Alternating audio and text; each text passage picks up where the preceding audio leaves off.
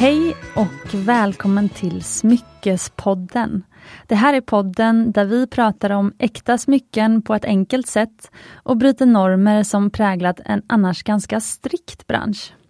Och det finns en sak många tänker på när man pratar om äkta smycken. Och det är de där gamla smyckena som man har hemma i byrålådan men som man sällan använder.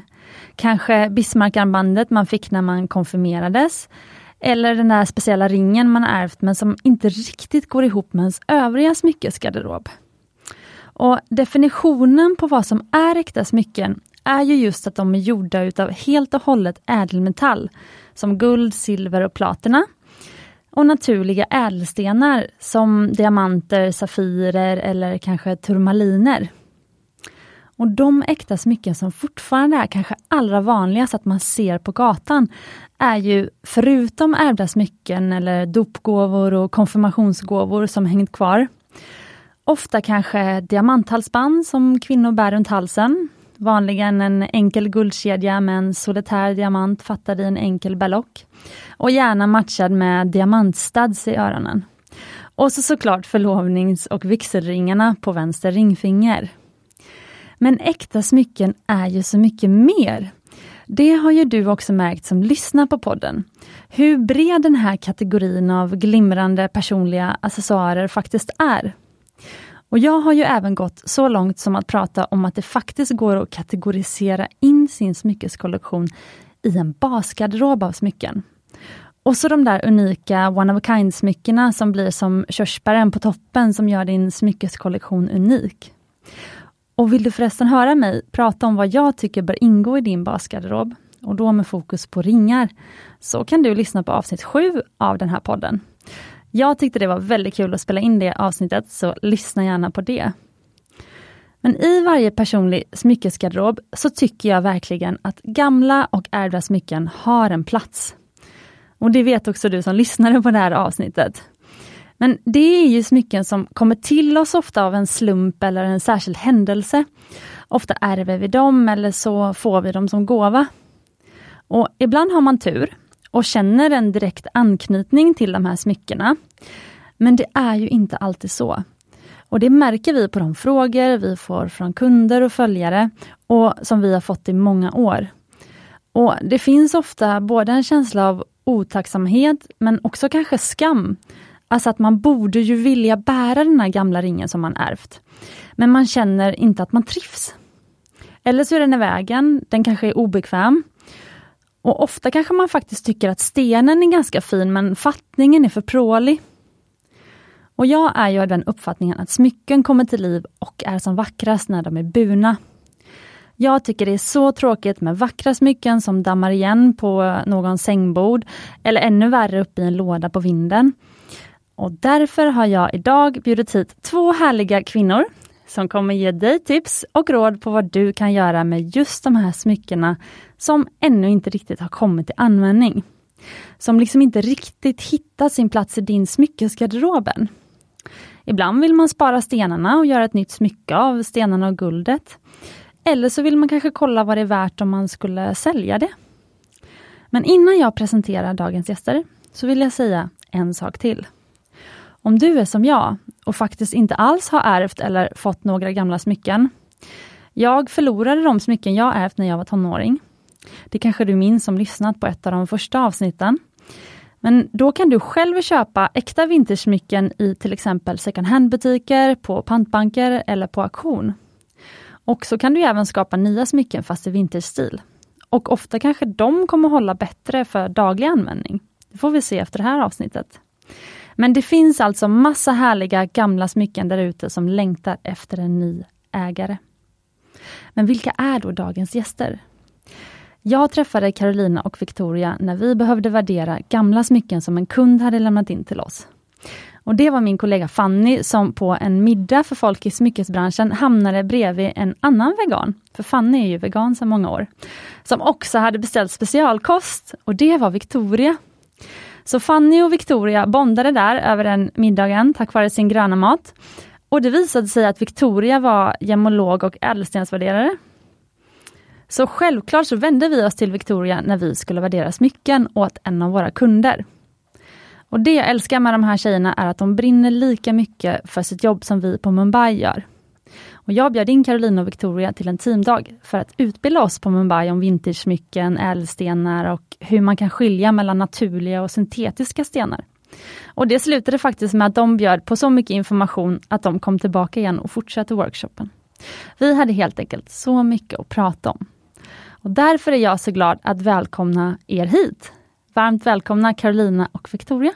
Tack så mycket. Tack så hemskt mycket. Men kan inte ni berätta om er själva och ert företag? Och jag tänkte att vi kan börja med Victoria. Mm. För eh, nu fick ju lyssnarna redan en liten introduktion till dig. Mm. Så hur började ditt smyckesintresse och eh, hur började du jobba som gemolog och ädelstensvärderare? Ja, eh, utan att avslöja allt för mycket så var det faktiskt så att jag skulle praoa. Kommer ni ihåg i åttan när man skulle praoa genom skolan? Då visste jag inte riktigt vad jag skulle göra och så hade jag då en moster som jobbade på en firma som hette Kurt Ribbhagen AB, som låg i centrala Stockholm. Och hon sa, ah, men kom, kom till mig. Du får vara här hos mig i 14 dagar. Ja, och det gjorde jag helt enkelt. Och sen blev jag kvar, mer eller mindre kan man säga. Um, jag fick börja med att göra de enklaste saker och hjälpa till med lite allt möjligt. Eh, jag fick eh, rensa lagret och jag fick putsa silver och jag fick eh, hjälpa till med att springa ärenden och allt sånt där. Och där växte mitt intresse för den arbetsplatsen var så, med de personerna, den var så öppen och glad och det var så otroligt mycket vackra ting. Och som den estet som jag är i hjärtat och som jag alltid har varit så passade det mig helt perfekt. För jag fick liksom kombinera det här vackra antika föremål men också med att de faktiskt gick att använda i vardagen. Eh, och sen gick det väl några år och Carolina och jag träffades på Ribbhagen några år senare. Eh, jag jobbade extra kvällar, helger, lov, sommarlov och allt möjligt. Ehm, och eftersom Carolina då redan var gemolog så väckte hon mitt intresse för att det faktiskt fin eller fanns, eller finns fortfarande en liksom speciell utbildning. Eh, där ja, men liksom man kan verkligen få nörda ner sig liksom i det allra bästa och det är ju ädelstenarna. Så då började jag plugga gemologi uh, vid sidan av andra studier som jag också hade. Och ja, på den vägen är det helt enkelt. Fantastiskt. Mm. Och det är 20 års jubileum har jag. Så det är några år sedan. Och Carolina, du är ju faktiskt redan känd från Antikrundan, eller hur? Ja, just det. Ja. Kan inte du berätta hur du hamnade där? Vad är din smyckesbakgrund och hur kom du in på gemologi och ädelstensvärdering? Ja, det var också, som så mycket tycker jag i livet så var det lite som ett bananskal. Det jag tycker det ofta är så att livet plötsligt tar en någonstans där man inte alls har tänkt sig själv. Och, och jag pluggade juridik och skulle bli jurist och sen var jag tvungen att ha ett extra jobb. Och då slumpade det sig så att jag hamnade i en eh, juvelerarbutik. Eh, och där träffade jag en kvinna som hette Birgitta som jobbade just med att värdera smycken. Och hon var så fin för hon, hon sa till mig, men Carolina, är det inte, skulle inte du vilja hålla på med det här istället? För jag kände efter ett tag att jag nog inte tyckte det var så kul med juridik. Jag kämpade mig igenom juristlinjen i alla fall. Men, eh, och jag hade liksom ingen aning om att man kunde jobba med gemologi. Precis som Victoria berättade. Birgitta berättade om den här utbildningen och, och så, ja, så började jag plugga gemologi och då märkte jag, herregud, det här är min grej. Det här är så roligt!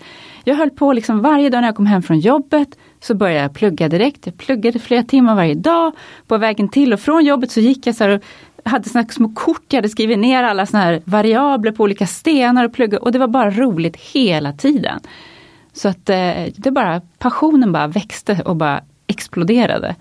Eh, så så hamnade jag i, i den branschen och sen eh, så hamnade jag också så småningom, jag jobbade på auktionsfirma, jag har jobbat hos smyckesleverantör, tillverkare och så hamnade jag också som, precis som Victoria då, hos Ribbhagen som ju är specialiserad på antika smycken, eller var specialiserad på antika smycken.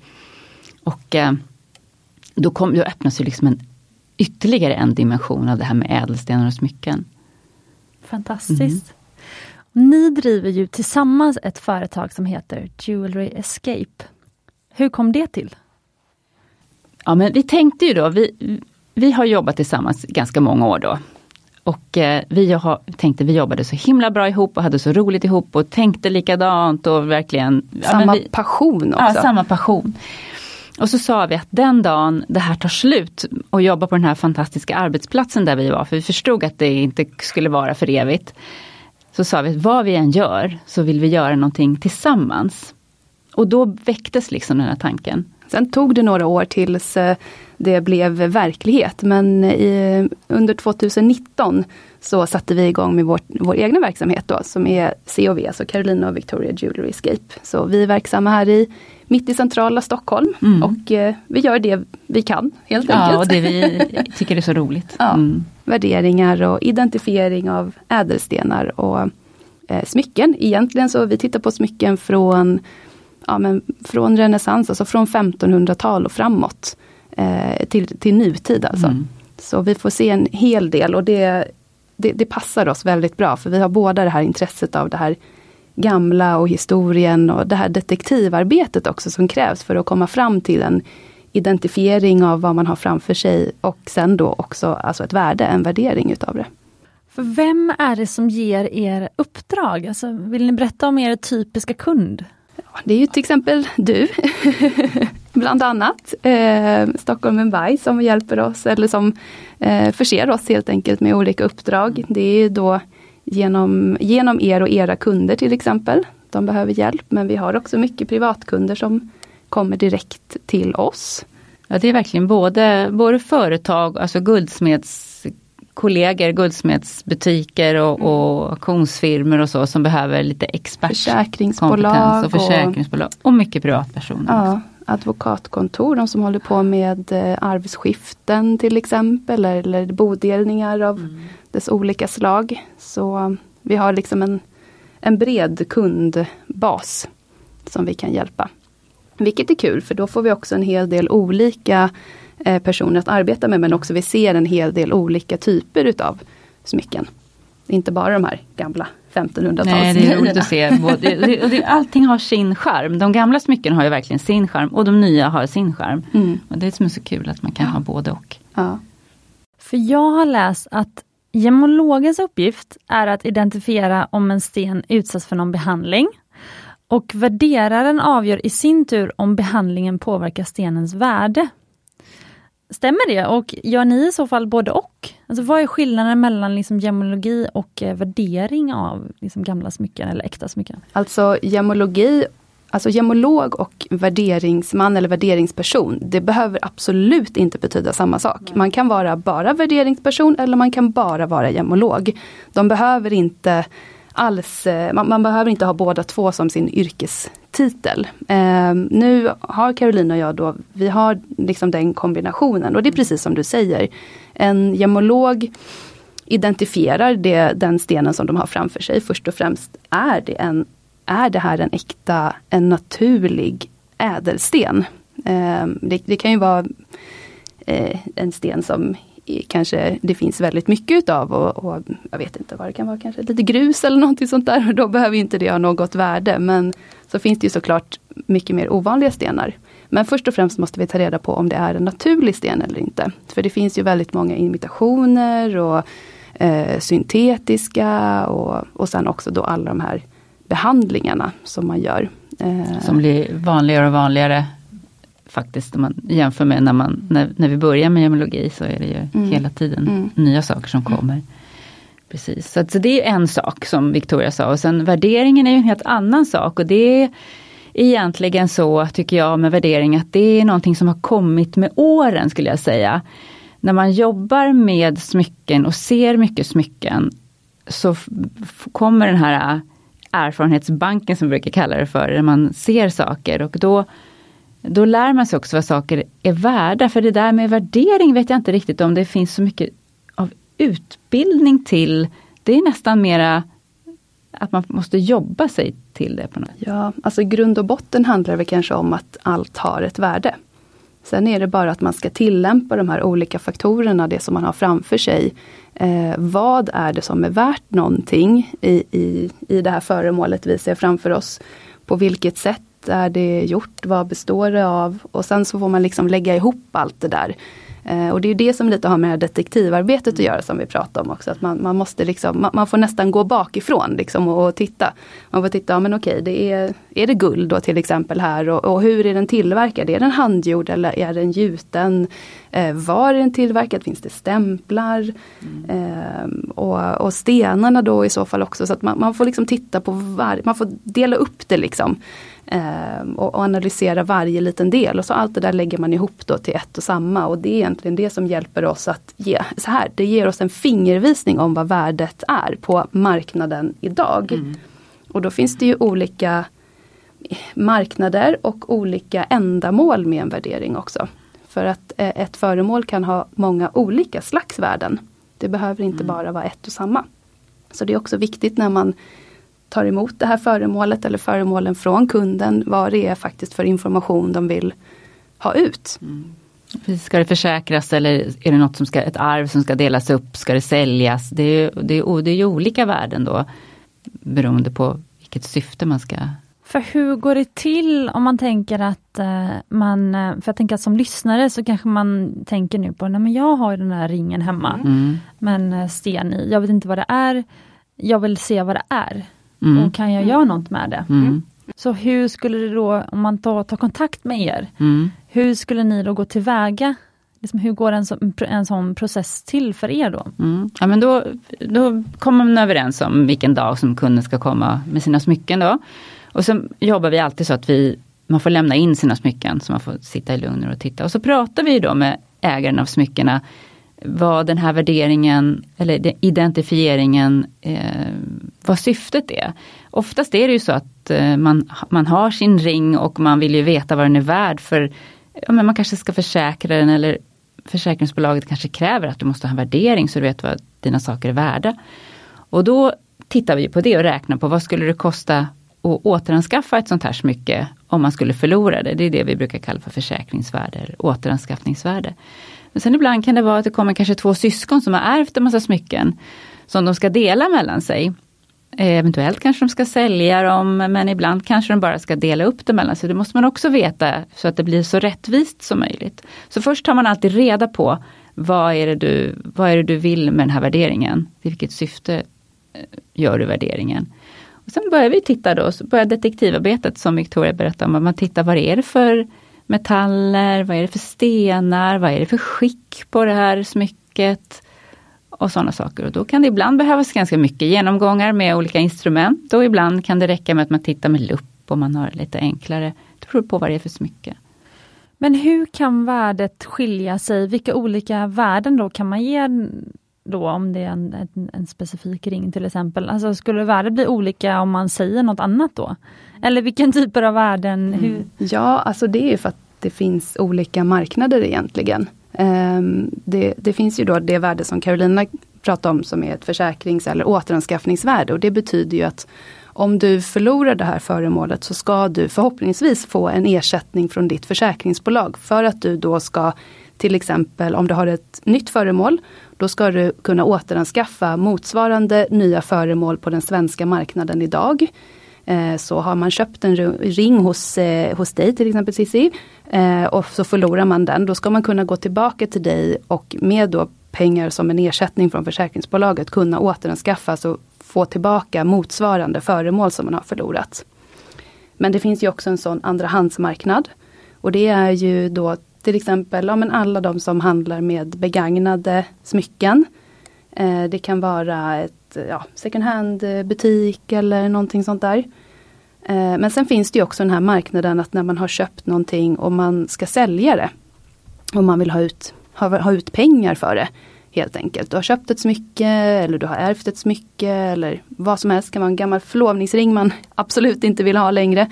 Eh, då, ska du, då vänder du dig kanske också till en second hand butik eller ett auktionshus eller så och säljer den. Och de pengarna som du får för att du säljer den, det är ju inte samma pengar som du får om du ska återanskaffa ett föremål. Eftersom den som säljer däremellan ska också göra sig en förhoppningsvis en liten ja, vinst kanske, på det. Ja, du har ju kanske moms och omkostnader och så här, ja. När du säljer en sak så får du inte lika mycket pengar som du skulle få om du som den kostar ny i butik. Liksom, mm, därför, därför, finns det olika ja.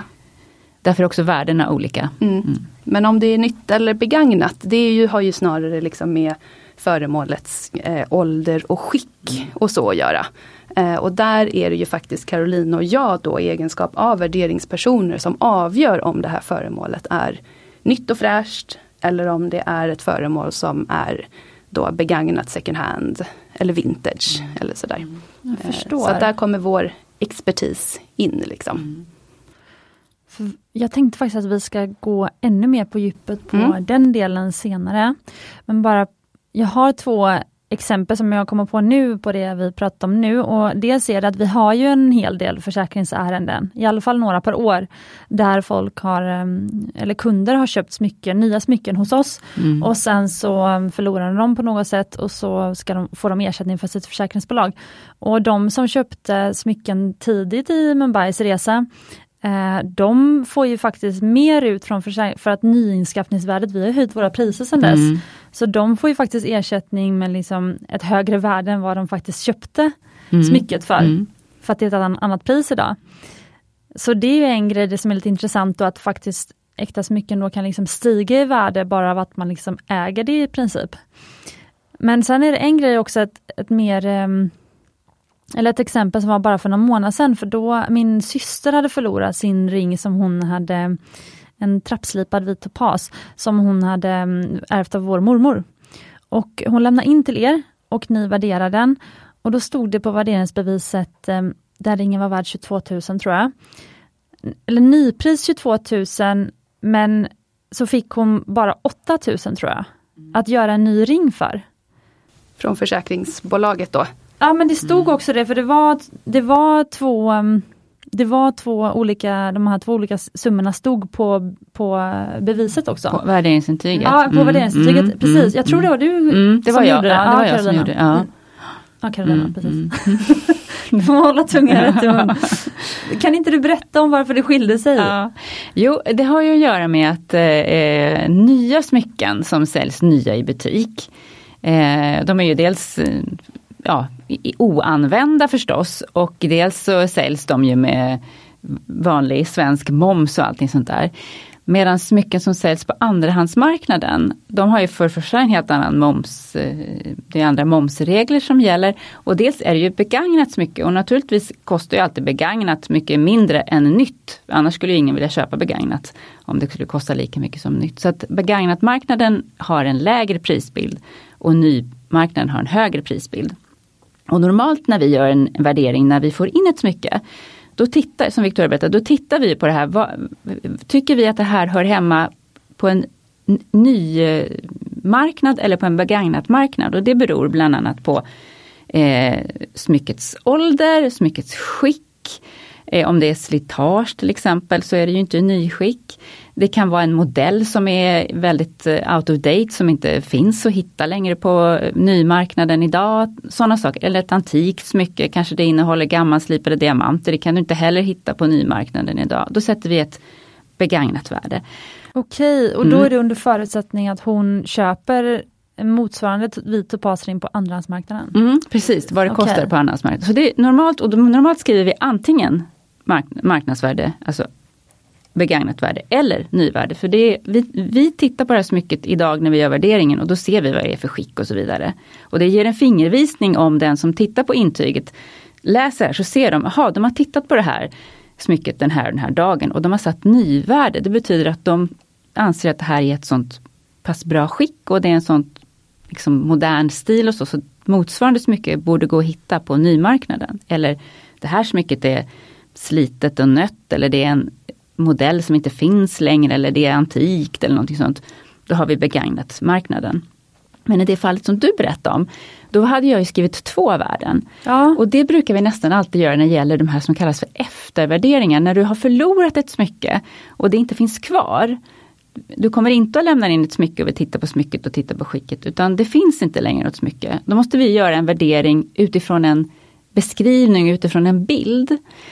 Och då brukar vi värderare ofta sätta både nyvärde och marknadsvärde. Eh, och det har att göra med försäkringsbolagens ersättningsvillkor. För det är lite olika på olika försäkringsbolag hur man ersätter. En del försäkringsbolag utgår alltid från ett nyvärde och så räknar man då ner om det, om det är ett smycke som inte är splitternytt så kanske man har ett visst procent som man räknar ner för varje, mm. för varje år. Och en del försäkringsbolag utgår alltid från ett marknadsvärde. Så därför har man sett man två värden i de fallet. För att där beror det ju på om det hur, går. Om Men, det går. Ja. Det kan man inte göra kanske på ett antikt smycke för då finns det ju inget nyvärde så att säga. Men i de fall som det går att sätta ett, både ett nyvärde och ett begagnat värde så gör man det. Och så får försäkringsbolaget utgå från det när de bestämmer sin ersättning. Så där är det lite annorlunda jämfört med när man gör ett värderingsintyg på ett befintligt smycke. Men hur många värderare finns det i Sverige? För visst måste man ha, man måste vara legitimerad värderare. Vem som helst får inte bara värdera ett smycke. Alltså vem som helst kan ju värdera ett smycke om de vill men det är ju inte, det är inte försäkringsbolagen godtar ju inte det. Eh, om man inte, då, de ska helst, då ska man helst vara förordnad av eh, Sveriges handelskamrar. Och det, ja hur många kan det vara som finns? Det är inte jättemånga faktiskt som kan är förordnade. 30-40 eller något, något sånt där. där. Som just är eh, specialiserade på smycken och, och några få där är väl liksom ädelstensexperter. Det, det, är inte alla, det är som vi sa, vissa där är så att säga alla inte både endast kanske värderare. Eh, och det, då, man behöver inte vara gemolog för att vara en värderingsperson. Nej. Jag förstår. För en av de vanligaste en av de vanligaste frågorna vi på Mumbai Stockholm får på mejlen och på Instagram är ju faktiskt vad man kan göra med sina gamla äkta smycken som man inte riktigt gillar stilen på kanske. Och En av de största anledningarna till att eh, jag bjudit hit er idag är ju för att det finns ett otroligt stort hål på smyckesmarknaden tycker jag. Om vad man kan göra med gamla smycken som man ärvt. Och hur mycket de är värda och när det är lämpligt att plocka ur ädelstenar ur en gammal fattning och göra om till något nytt. Och jag har ju ett ganska tydligt exempel på det. Och det är den här värderingskvällen som vi anordnade tillsammans med er för lite över ett år sedan, det var januari förra året. Då hade vi fått väldigt mycket förfrågningar tidigare och under liksom flera år nästan om vad man kan göra med gamla smycken. Kan man ta ur stenarna och fatta in dem i nya och så vidare. Och till slut så kände vi att, vet ni vad, vi skapar en hel kväll i showroomet. Vi la ett tak på 20 kunder och så bjöd vi in er för att hålla en kort workshop slash utbildning då, om äkta och antika smycken. Och det var ju lite grann för att jag kände det här, att det här kunskapshålet var så stort så att om folk först liksom fick en så bild av eh, liksom hur värderar man smycken och så vidare, då, då, skulle man sen liksom förstå bättre när man sen fick sina egna smycken värderade. För sen fick ju alla sina smycken värderade. Och då hade kunderna tagit med sig alla de gamla smycken som de hade hemma och ville göra något med. Och så hade vi skapat så små supersnygga häften och ni skrev ner stenarnas karat och guldkarat och estimerat värde. Och sen så skrev ni också rekommendationer på vad man kunde göra med smyckena. Sälja som de är, behålla eller göra om. Och allt hade varit fantastiskt om det inte var för att det kändes som att nästan varenda tjej som var på den här värderingskvällen, det var bara tjejer, eh, blev så besviken. Och Det slutade med att liksom nästan alla tjejer insåg att stenarna i deras gamla smycken var av för dålig kvalitet. Man kunde inte ta ur dem och fatta in i nya smycken. Och dessutom om man skulle behålla smyckena då som de var och sälja istället så skulle man liksom få för lågt värde. Och Man skulle ändå behöva spara ganska länge för att ha råd med en helt ny ring. Och Det var ju ingen som direkt sa sådär, åh vad besviken jag är, men man såg liksom att modet sjönk från de som kom ut från er till de som var på väg in till er. Mm. Liksom. Så kan inte ni berätta lite om era tankar kring det här? Alltså, varför finns det en sån missmatch mellan kunders förväntningar och den här liksom, eran kunskap? Och även då till exempel min syrra blev ju såklart besviken. Va? Vadå är den bara värd 8000 och så liksom alltså, och det är så, en så vanlig känsla. Men det har ju att göra med det här, man tittar på vad det kostar i butik, nytt.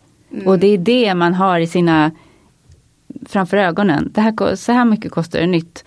Men jag tror du... det har att göra, förlåt att jag avbryter Karolina, det här med att just att man inte vet riktigt vilket värde det är man pratar om. Att det är så många olika värden och därför är det så viktigt att man just får veta liksom, vilket värde är det du söker. Vad är det, liksom, vad är Eh, vad är anledningen till att du vill ha det här smycket värderat? Det är det just för att du ska göra om? Ja men då måste man ju liksom tänka Eh, i princip. Om, om jag säljer det här, liksom, om jag ska återanvända, om jag ska plocka ut de här, om jag ska låta en guldsmed plocka ut stenarna, eh, designa ett nytt smycke, handgöra ett nytt smycke, fatta in de här stenarna. Det är väldigt mycket arbete för, för varje smycke. Det, det är inte bara att trolla med två fingrar utan guldsmederna vet liksom att det, det krävs väldigt mycket liksom från deras håll att, att nytillverka och då måste man veta, är själva liksom materialet värt någonting? För det kan också vara så att man har ett väldigt stort affektionsvärde till ett smycke. Mm. Och ett affektionsvärde är ju om eh, det, det, är ett smycke som du kanske har fått från någon som du håller väldigt kär. Du har fått ett arv från en världens härligaste mormor eller någonting sånt där. Och då kanske det betyder någonting helt annat för dig än vad det betyder rent ekonomiskt.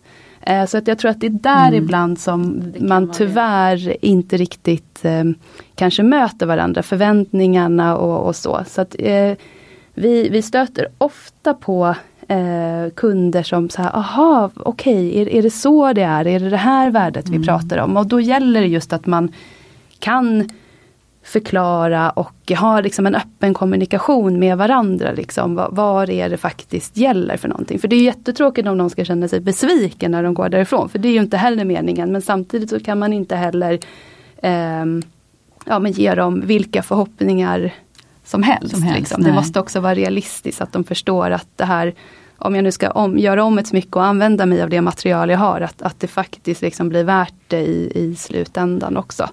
Och som vi vet, som, så ska man göra ett nytt smycke som du också vet vi att det, det, kostar pengar att, gör, att låta en guldsmed göra ja. och göra nytt. Det är, det är hantverk ja. och tanke och det är deras kunskap och mm. deras eh, talang och, mm. Eh, och erfarenhet bakom. Mm. Då vet man att man får någonting av mm. kvalitet och det är mm. där, det är där man vill landa. Mm. Man vill ha ett kvalitetssmycke för att eh, Smycken är ju någonting så lite speciellt också. Det är någonting väldigt personligt med smycken som du sa i början på din, ditt intro där, så det, det, de sammankopplas ofta med kanske en stor händelse i livet. Det kan vara konfirmation mm. eller ett barn som kommer till familjen eller någonting sånt. Så ofta så är de ju väldigt, väldigt viktiga på ett helt annat sätt än, än vad kanske möbler, kläder, mattor eller någonting sånt mm. är. Ja, har liksom ett personligt värde. Mm. Och, och då när man då, ska, när man då ska sälja sin fina ring som man har fått från mormor som kanske har pratats om i släkten i många år. Man kanske har ett väldigt stort affektionsvärde till och man vet att en sån ring kostar si så mycket om du skulle köpa motsvarande ny. Och så får du liksom bara en bråkdel av det när du väl ska sälja. Eh, för att då kanske du mer får, du, då får du ingenting för affektionsvärdet. Det är ju inte, du, du, får ju inte det som det kostar nytt i en butik utan du kanske får materialvärdet och då, då är det ju naturligtvis en helt annan summa. Och då är det klart att du kanske blir besviken om du har haft förväntningarna att det ska ligga i paritet med vad det kostar att köpa i en butik. Och, och många kommer, eller många, men det händer ju också ibland att det kommer någon med ett fantastiskt mycket för att mormor har sagt att det här det är riktigt fint och så kommer de till oss och så visar det sig att det faktiskt kanske inte alls är det som du sa. De där gröna stenarna är inte smaragder utan det kanske är imitationer gjorda i glas eller någonting sånt. Och då gäller det bara att man får berätta de här kanske väldigt tråkiga nyheterna på ett, eh, på ett sätt som, som ja, så det, det, är vi som kommer liksom ibland med de dåliga nyheterna helt enkelt. Men, eh, Fast, då, fast, jag, fast jag brukar inte uppleva egentligen att att kunderna blir besvikna. Det, men det beror på Nej. vad man har för, för de kanske inte visar det för oss. Nej, de kanske inte visar för oss. Nej, faktiskt inte, oftast ja. inte besvikna. Jag tror att många tycker att eh, de, de kommer ju för att få veta vad det är mm. för någonting. Eh, så att jag tror att många ändå inser att det finns en, en chans, möjlighet, risk att det eh, in, inte är som det mm. eh, som man har fått höra tidigare. Men jag tror också att det var för att ni är ju en väldigt, eh, alltså ni har ju gått från, eh, vad ska jag säga, den gamla guldsmedsskolan, alltså ni har ju gått den traditionella, från den traditionella vägen med de mm. traditionella guldsmederna. Mm. Och eh, Mumbai, alltså när jag startade mitt företag så jag såg oss mer som jag liknar oss mer vid ett klädföretag. Det här var åren efter att liksom modebloggsfenomenet och det här hade blivit stort. Uh, och så var jag så här, men det är ingen som visar hur man kan bära smycken. Alltså smycken visades ofta upp på ett fint fat på bild eller sådär, men det var sällan att man så här, så här bär jag min, mitt armband idag. Jag börjar med armband. Uh, så jag hade nästan mer liksom modebloggstil och när, på, när jag skulle lägga ut, ut bilder på Instagram till exempel så var jag mer fokuserad på ah, vad ska jag matcha med för tröja och inte sådär hur ska jag visa upp smycket i bäst mm. liksom, dagar. Men det gjorde ju att det blev ganska lättillgängligt tror jag och vi fick snabbt en ganska stor följarbas och folk, liksom kunde, folk som tidigare inte connectat till smycken började connecta till smycken. Och nu när man börjar utvecklas efter så många år så upplever jag att vi ändå har lite samma samma um, attraktion hos, hos, hos, samma personer. Att de är sådana som har blivit intresserade av smycken tack vare Mumbai. Mm. Sådär, så Kul! Att, ja, jättekul och där känner jag också att vi kan mötas på ett jättebra sätt. Eh, och det kan ju också vara för, och det är därför som eh, de som vi hade på värderingskvällen de kanske inte hade lika mycket kunskap eller tagit reda på lika, lika mycket kunskap innan som sådana som kommer till er som kanske liksom har varit smyckesnördar sedan de var små kanske. Jag kan bara tänka mig att det kanske är så, eller jag vet inte om ni, om ni håller med? Men jag tänk, du, du, du, du, plötsligt slog det med en parallell som du sa med klädbranschen. Mm. För kläder, där tror jag inte man alls samma förväntningar om du köper ett nytt klädesplagg och sen ska du själv sälja dina klä, begagnade kläder. Då har du kanske inte alls förväntningen att du ska få. Men jag tror smycken, det är någonting med smycken det är det här med att det är ädla metaller, man tänker att materialen är mycket värda i sig, för det har man ju inte, på kläder är ju inte materialen speciellt mycket värda i jämförelse med ädelmetaller och ädelstenar. Och det här som Victoria sa också med affektionsvärdet, att det liksom är något nästan lite magiskt med de här gamla smyckena och de har varit med från generationer och mormor sa att det här var så mycket värt. Så det kanske är en helt annan grundförväntning kanske med smycken än vad det är med andra saker som kläder eller möbler eller sånt där. Och så tänker jag även om eh, de här eh, som har sina smycken och så kanske man inte får det här, liksom just att den där summan som man önskade. Så tycker jag ändå att man ska ha inställningen att men herregud, jag har ju en väldigt bra bit på vägen. Eh, och det kanske är värt helt enkelt att man får spara lite extra, något år extra eller några månader extra eller eh, sälja ytterligare någonting för att få just det där speciella smycket som man verkligen önskar. Mm. För det är det också, smycken är inte på samma sätt som klädbranschen det här lite slit och släng, att man kan gå och köpa sig en ny tröja på lunchen varje måndag eller någonting Nej. sånt. Utan det, här, det, det, blir mer att man kanske tänker efter och köper någonting med hjärtat mm. eh, och med magen. Eh, och då, det är ju föremål som också kostar i regel lite mer. Eh, man, man, kanske inte spontanshoppar smycken. Nej men en rolig grej också om du ska köpa ett smycke det är just att du kan använda ditt gamla guld och dina smycken och lämna in åt, som en delbetalning. Det kan mm. du kanske inte göra om du ska köpa en ny tröja. Du kan inte lämna in dina gamla kläder som delbetalning. Ja. Så Det är också ganska häftigt att du har ett ekonomiskt värde alltid i dina smycken i och med att det mm. är ädelmetall. Mm. Det är ganska häftigt ja. tycker jag. Och värdet det baseras ju liksom lite på vad som, faktiskt vad som händer i världen. För det har ju liksom med guld och diamantpriserna att göra. Eh, och guldpriset vet vi, det har ju liksom verkligen eh, gått upp och ner jättemycket senaste åren och det har med att göra vad som händer i resten av världen. Vad som händer politiskt i USA när de byter president till exempel eller andra stora världshändelser. Så att eh, det, det där liksom följer med väldigt mycket. Eh, så det, det, kan också skilja sig faktiskt, guldpriserna. De skiljer sig lite dag för dag faktiskt. Men det här är ju jätteintressant. Men jag tror att um, kanske också värdet även på andrahandsmarknaden kommer stiga ju fler som hittar den andrahandsmarknaden. Ja. Gud vad rätt du har där. Ja. Verkligen. Mm. Jag, jag, tror precis det. Eh, folk har inte riktigt förstått hur mycket godbitar och bra grejer det finns på andrahandsmarknaden. Eh, det finns verkligen så otroligt mycket. Eh, man, man, måste inte köpa nytt om jag ska vara så krass. Eh, det finns gott och väl väldigt mycket och just det där att det går faktiskt att använda kanske som det är eller kanske går att eh, omarbeta. Sen vill jag också säga för att nu har ni sagt så mycket bra grejer och jag har försökt samla på mig liksom, kommentarerna i huvudet som jag vill komma ihåg.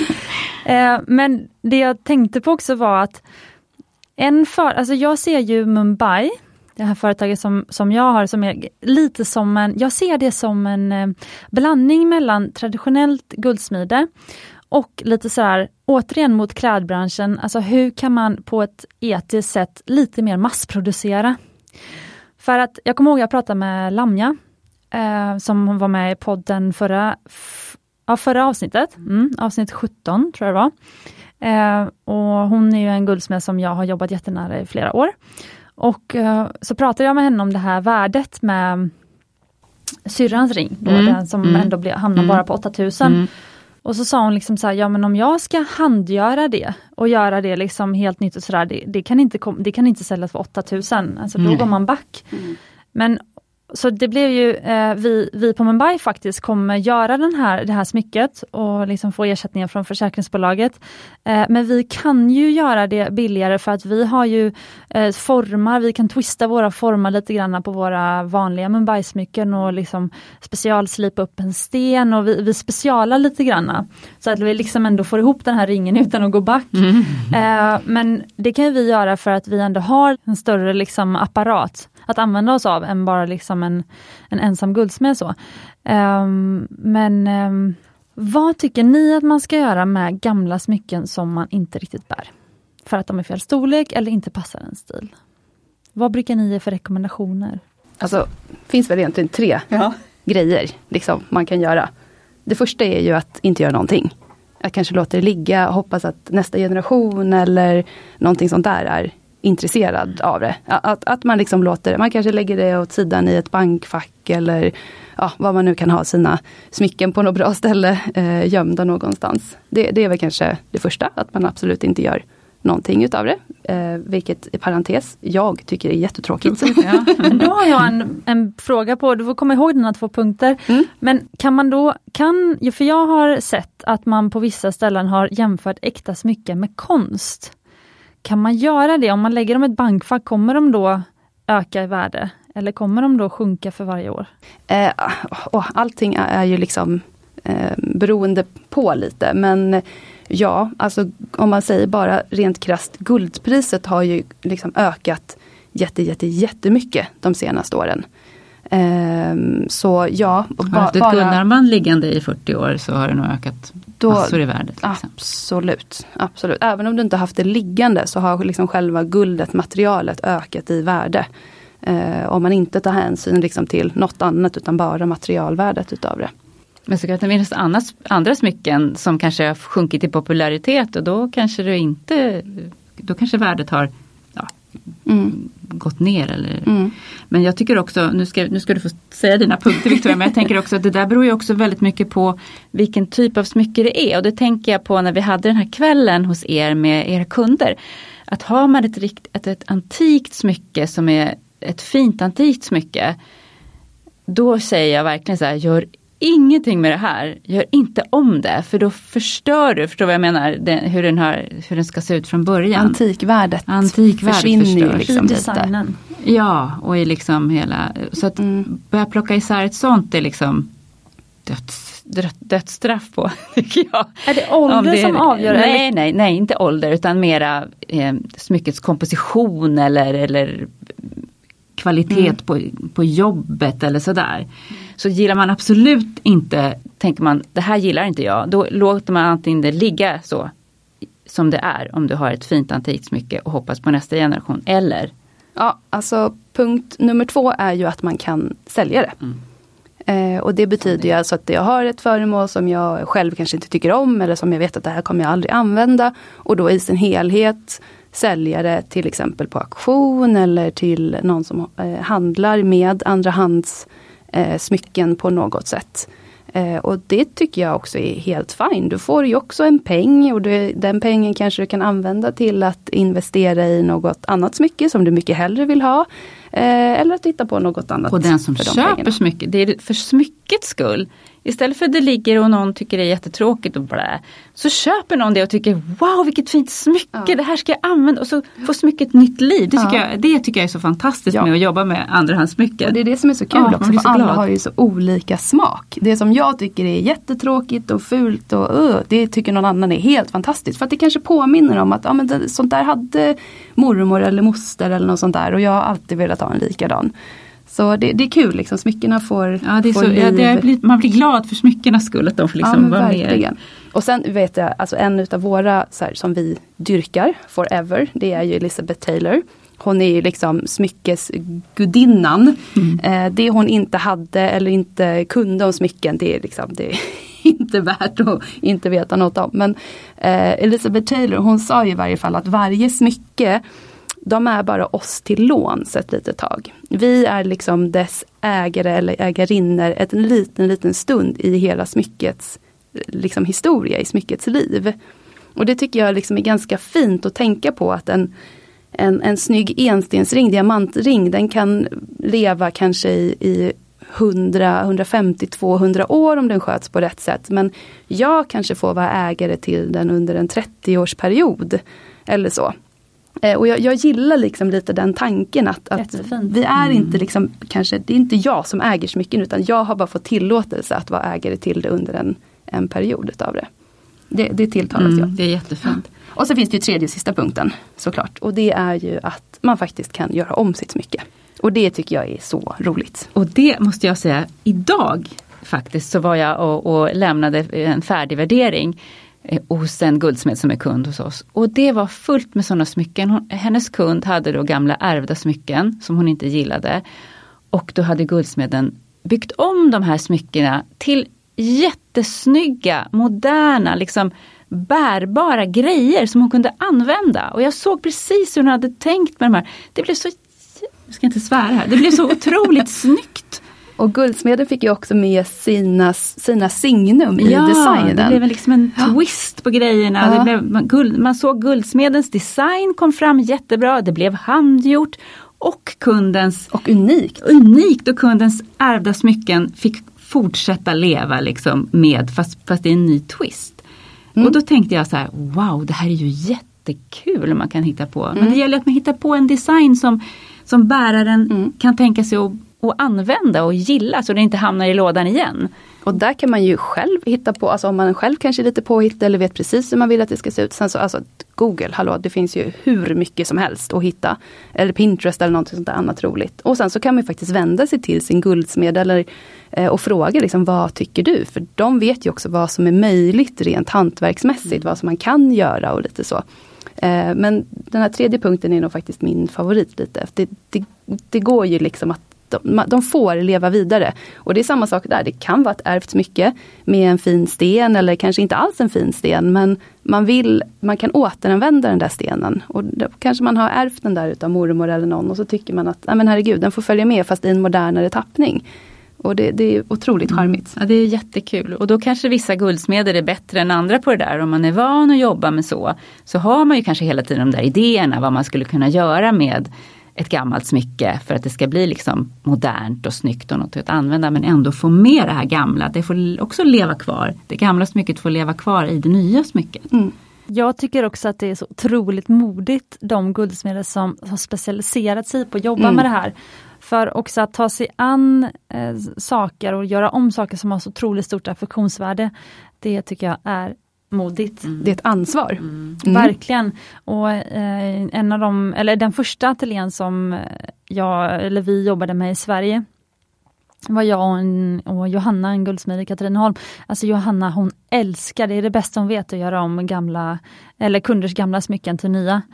Men det jag har som, som ja, rekommendation eller tips till dig som lyssnar när du, om du vill göra om dina gamla smycken, det är faktiskt att titta på någon guldsmed där du älskar den personens design av liksom andra smycken.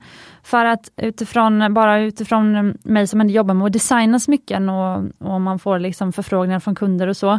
Det är viktigt för att man har ju en designestetik och man kan ju gå iväg från det. Alltså alla behöver ju liksom lön och det kanske inte, man kanske inte just den månaden kanske man inte har jättemycket eh, andra jobb, så då tackar man ja liksom och så försöker man liksom twista sig ut och in för att liksom ändra sin egen design så mycket att den går ihop med det kunden vill ha, men så känner man att det kanske ändå inte det, det är då det kanske liksom förväntansbilden inte riktigt blir så bra.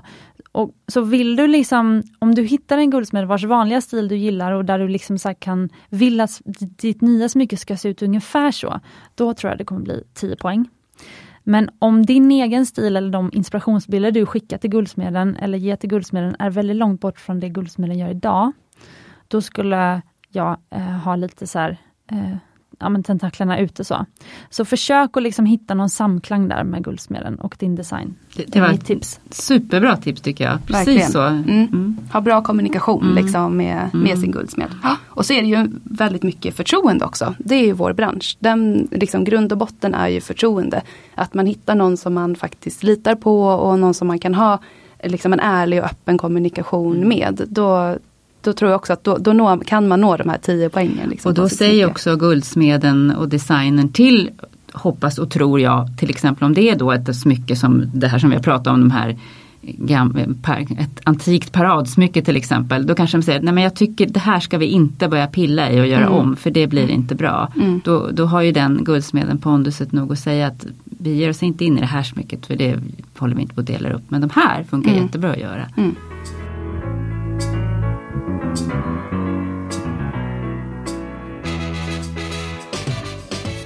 Jag tänkte att vi ska byta perspektiv. Mm. För att nu har vi pratat om den som har gamla smycken hemma. Men sen har vi de som drömmer om äkta smycken, eh, eller antika eller mm. gamla äkta smycken så, mm. och, vill, och vill ha något vintersmycke i sin basgarderob kanske, av mm. smycken. Men hur ska man då tänka när man handlar smycken på till exempel auktioner? Alltså hur ska jag veta vad något är värt? Ja, då, alltså som, som vi nämnde för en liten stund sedan här, alltså förtroende. Det auktionshuset som du har tittat på ett smycke hos eller den antikhandlare eller second hand butik. Eh, först och främst se, se, till, alltså gör lite så här, kanske bakgrundscheck eller kolla liksom Känns det som att de faktiskt kan? Vet de vad det är de håller på med för någonting? Och de flesta större auktionshusen som handlar med smycken, de har också en gemolog eller en expert bakom sig som har tittat extra på det här smycket. Eh, och det kan jag tycka är, är väldigt viktigt för att det som står i beskrivningen, det är inte alltid idag som man har möjlighet att ta sig till auktionshuset och titta fysiskt på smycket och då måste man lita på de fotografier och den beskrivning som finns. Eh, och är det en gemolog eller värderingsman så har de ju beskrivit det på ett visst sätt som ska liksom gå att förstå, alltså på ett internationellt språk kan man säga. Eh, så att först och främst det, eh, kolla så att det verkligen är ett, ett auktionshus eller en antikhandlare som du har förtroende för. Som kan sin sak. Mm. Och så får man ju också tänka på att det här är ju då inte splitternya grejer och därför det är också därför som andrahandsmarknaden är oftast, du betalar inte lika mycket på andrahandsmarknaden för det är inte nytt utan det här, du, får, du får räkna med att det här är saker som är använda och då kan det vara så att det kan finnas slitage och så vidare och det måste du undersöka när du köper. Och då kan du jättegärna, precis som Victoria sa, du kan fråga de som jobbar på auktionshuset eller hos antikhandlaren om sådana saker. Och då får man också tänka på att riktigt antika smycken, de är ju oftast inte gjorda för att användas varje dag. Som, vi, som smycken är idag så tänker man ju ofta att man ska kunna använda det varje dag. Men det är inte antika smycken, de är gjorda för att användas då och då till fint. Och det är särskilt viktigt om du köper till exempel en ring. För ringar och armband det är egentligen de mm. smyckena som utsätts allra mest. För de har vi på händerna. Om man slår i och man sliter. Vi säger man... att de lever farligt och ja. det gör de. och det måste man tänka på. Så de typerna av smyckena måste man vara extra noga med när man tittar när man köper andra hand. Att det verkligen finns det slitage och det gör det kanske ofta. Och då får man tänka att det här ska jag kanske vara lite extra försiktig med. Kanske inte ska ha det varje dag. En antik ring kanske inte är det bästa att ha som vigselring. Då kanske du får göra en ny ring i antik stil om du gillar stilen. Utan då kanske du köper en ring som du har mm, ja, lite mer till fint, inte, inte hela tiden varje dag.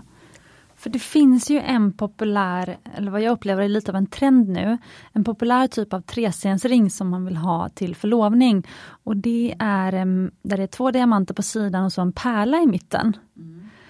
Och då har jag alltid tänkt så här, oj oj oj, hoppas den som köper den vet om att eh, pärla är ju jätteskört och mjukt på många sätt och, man, och limmet kan lossna för pärlor fastsatta med lim och inte klor och så vidare.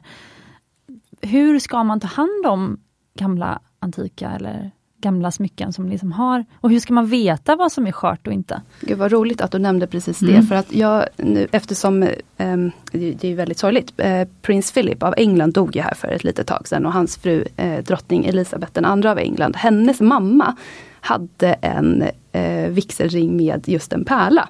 Och jag har tänkt så många gånger. Hon hade en typ av en ring som var en karmosé modell. Det betyder att hon hade en pärla i mitten och så hade hon en krans utav diamanter runt omkring så att det såg ut som en ja, men en blomma kan man säga.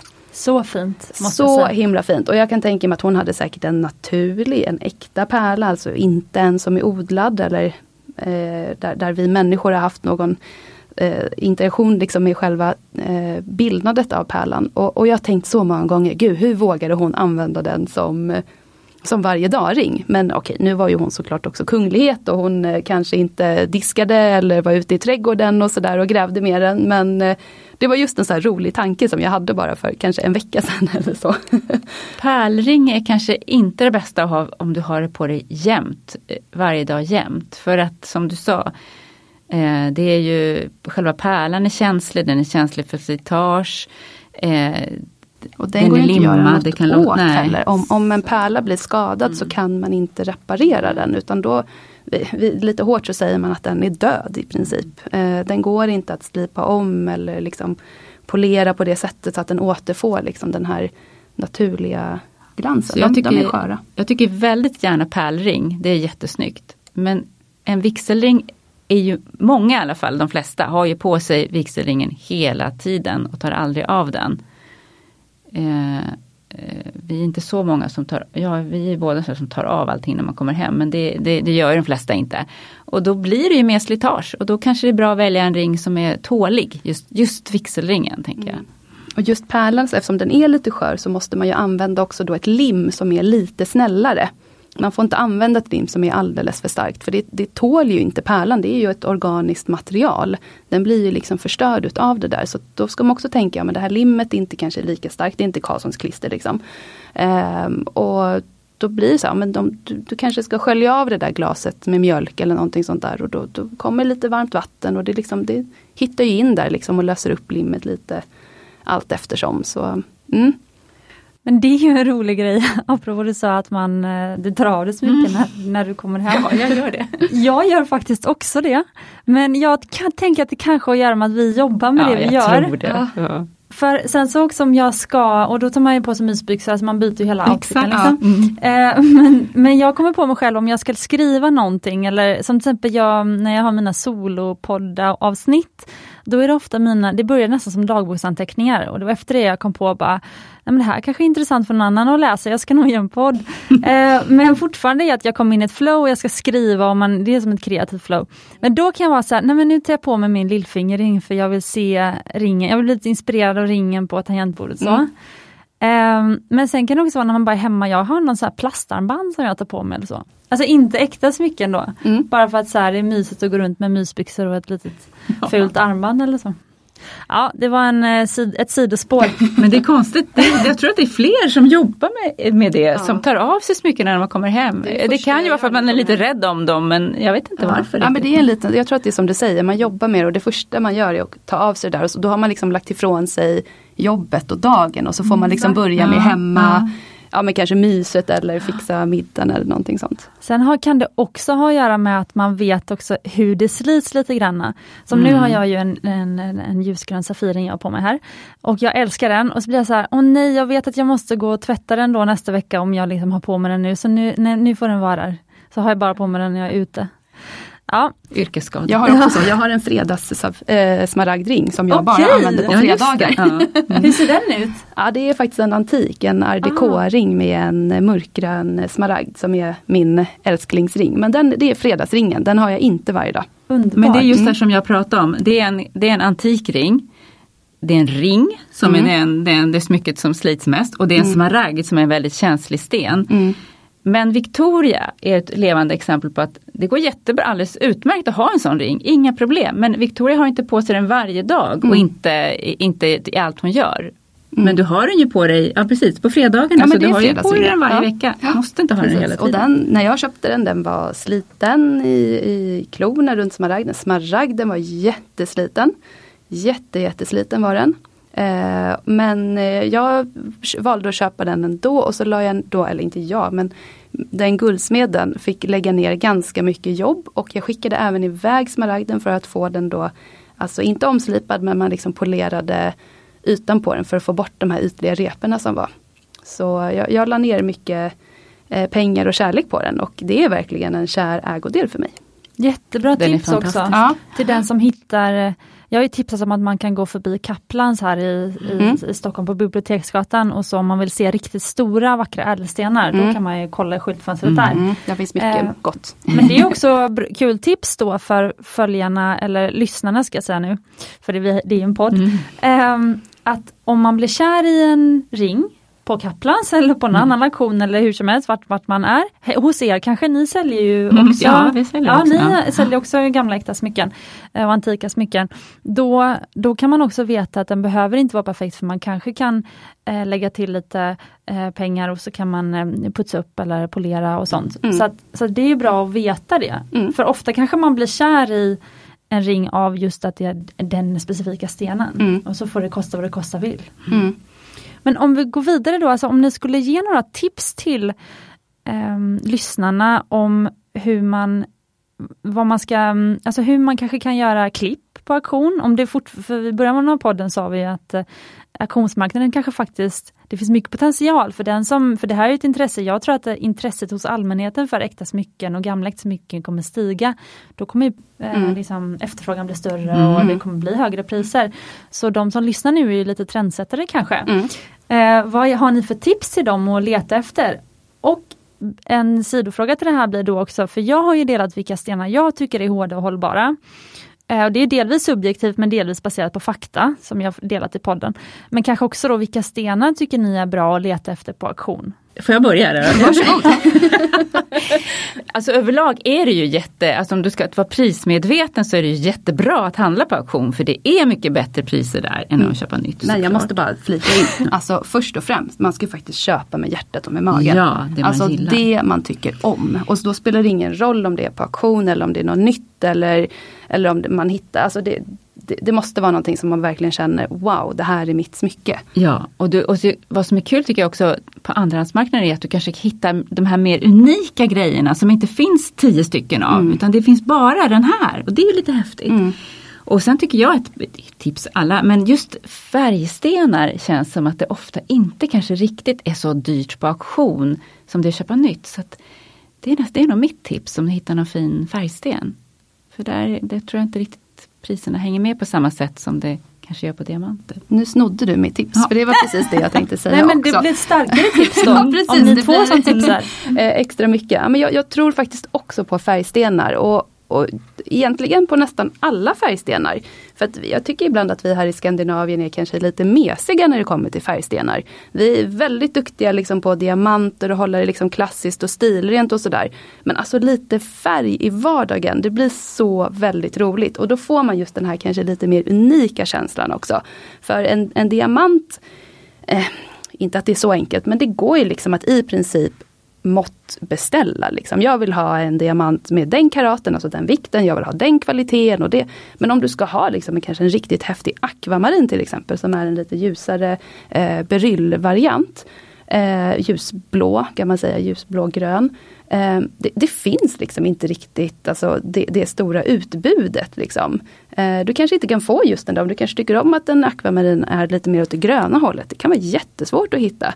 Eller om du tycker att den ska vara liksom riktigt, riktigt ljusblå och, åt det hållet. Så, och kanske storlek och sådana mm. saker. Så ja, färgstenar finns det mycket mer variabler på något sätt. Ja, med. precis. Mer som ska stämma in. Liksom. Mm. Så det är inte bara att säga det, det där ska jag ha. Liksom. Man, då kan man verkligen få leta lite. Men, men det är också kul att ha det här liksom, mm. Projektet kanske. Att man ska vara igång och, och, och leta. Mm. Är det bäst med en speciell design med mycket detaljer och så eller ska man leta efter liksom så clean som möjligt? Finns, finns det någon, någon, någon typiskt där ni har att dela? Tänker du så här, hur, hur det håller eller, eller hållbar? Nej jag tänkte nog kanske, nej men då tänkte jag nog kanske på att eh, man ska liksom göra ett bra köp. Alltså rent allmänt med, ja, med pris och hållbarhet och allting tillsammans. Alltså om det är bättre, om man tänker så här att nej men jag vill att, eh, om, jag, om man har smycken till låns då, vi kör den här mm. Taylor-varianten. Mm. Um, och så tänker man så här, nej men nu ska jag ha det här smycket i fem år, så jag köper det på auktion nu och det här har till min budget, jag vill ha en powerring nu. Mm. Men sen senare kanske jag vill byta ut det till en, en större rubin. För att jag har inte mm. råd med en stor rubin nu men nu vill jag ha en liten rubinring kanske. Så mm. letar man på auktion efter det. Alltså, och så då vill man ju kanske inte heller att värdet ska sjunka så mycket. Till exempel när jag köpte moped då då ville, köpte jag en röd vespa för att den visste jag att den kommer hålla i värde och fast jag har haft den i fyra år och nu vill jag faktiskt sälja den snart. Eh, men jag kommer få nästan samma tillbaka. För att liksom det, vespan håller sig så bra i värde och så vidare och den är ingen konstig färg och så. Då, då hade jag lite det i mind. Så finns det något sånt man kan tänka då om man liksom vill att smycket ska hålla i värde de här åren som man har det till låns? Alltså jag tycker ju nyckelordet där är kvalitet.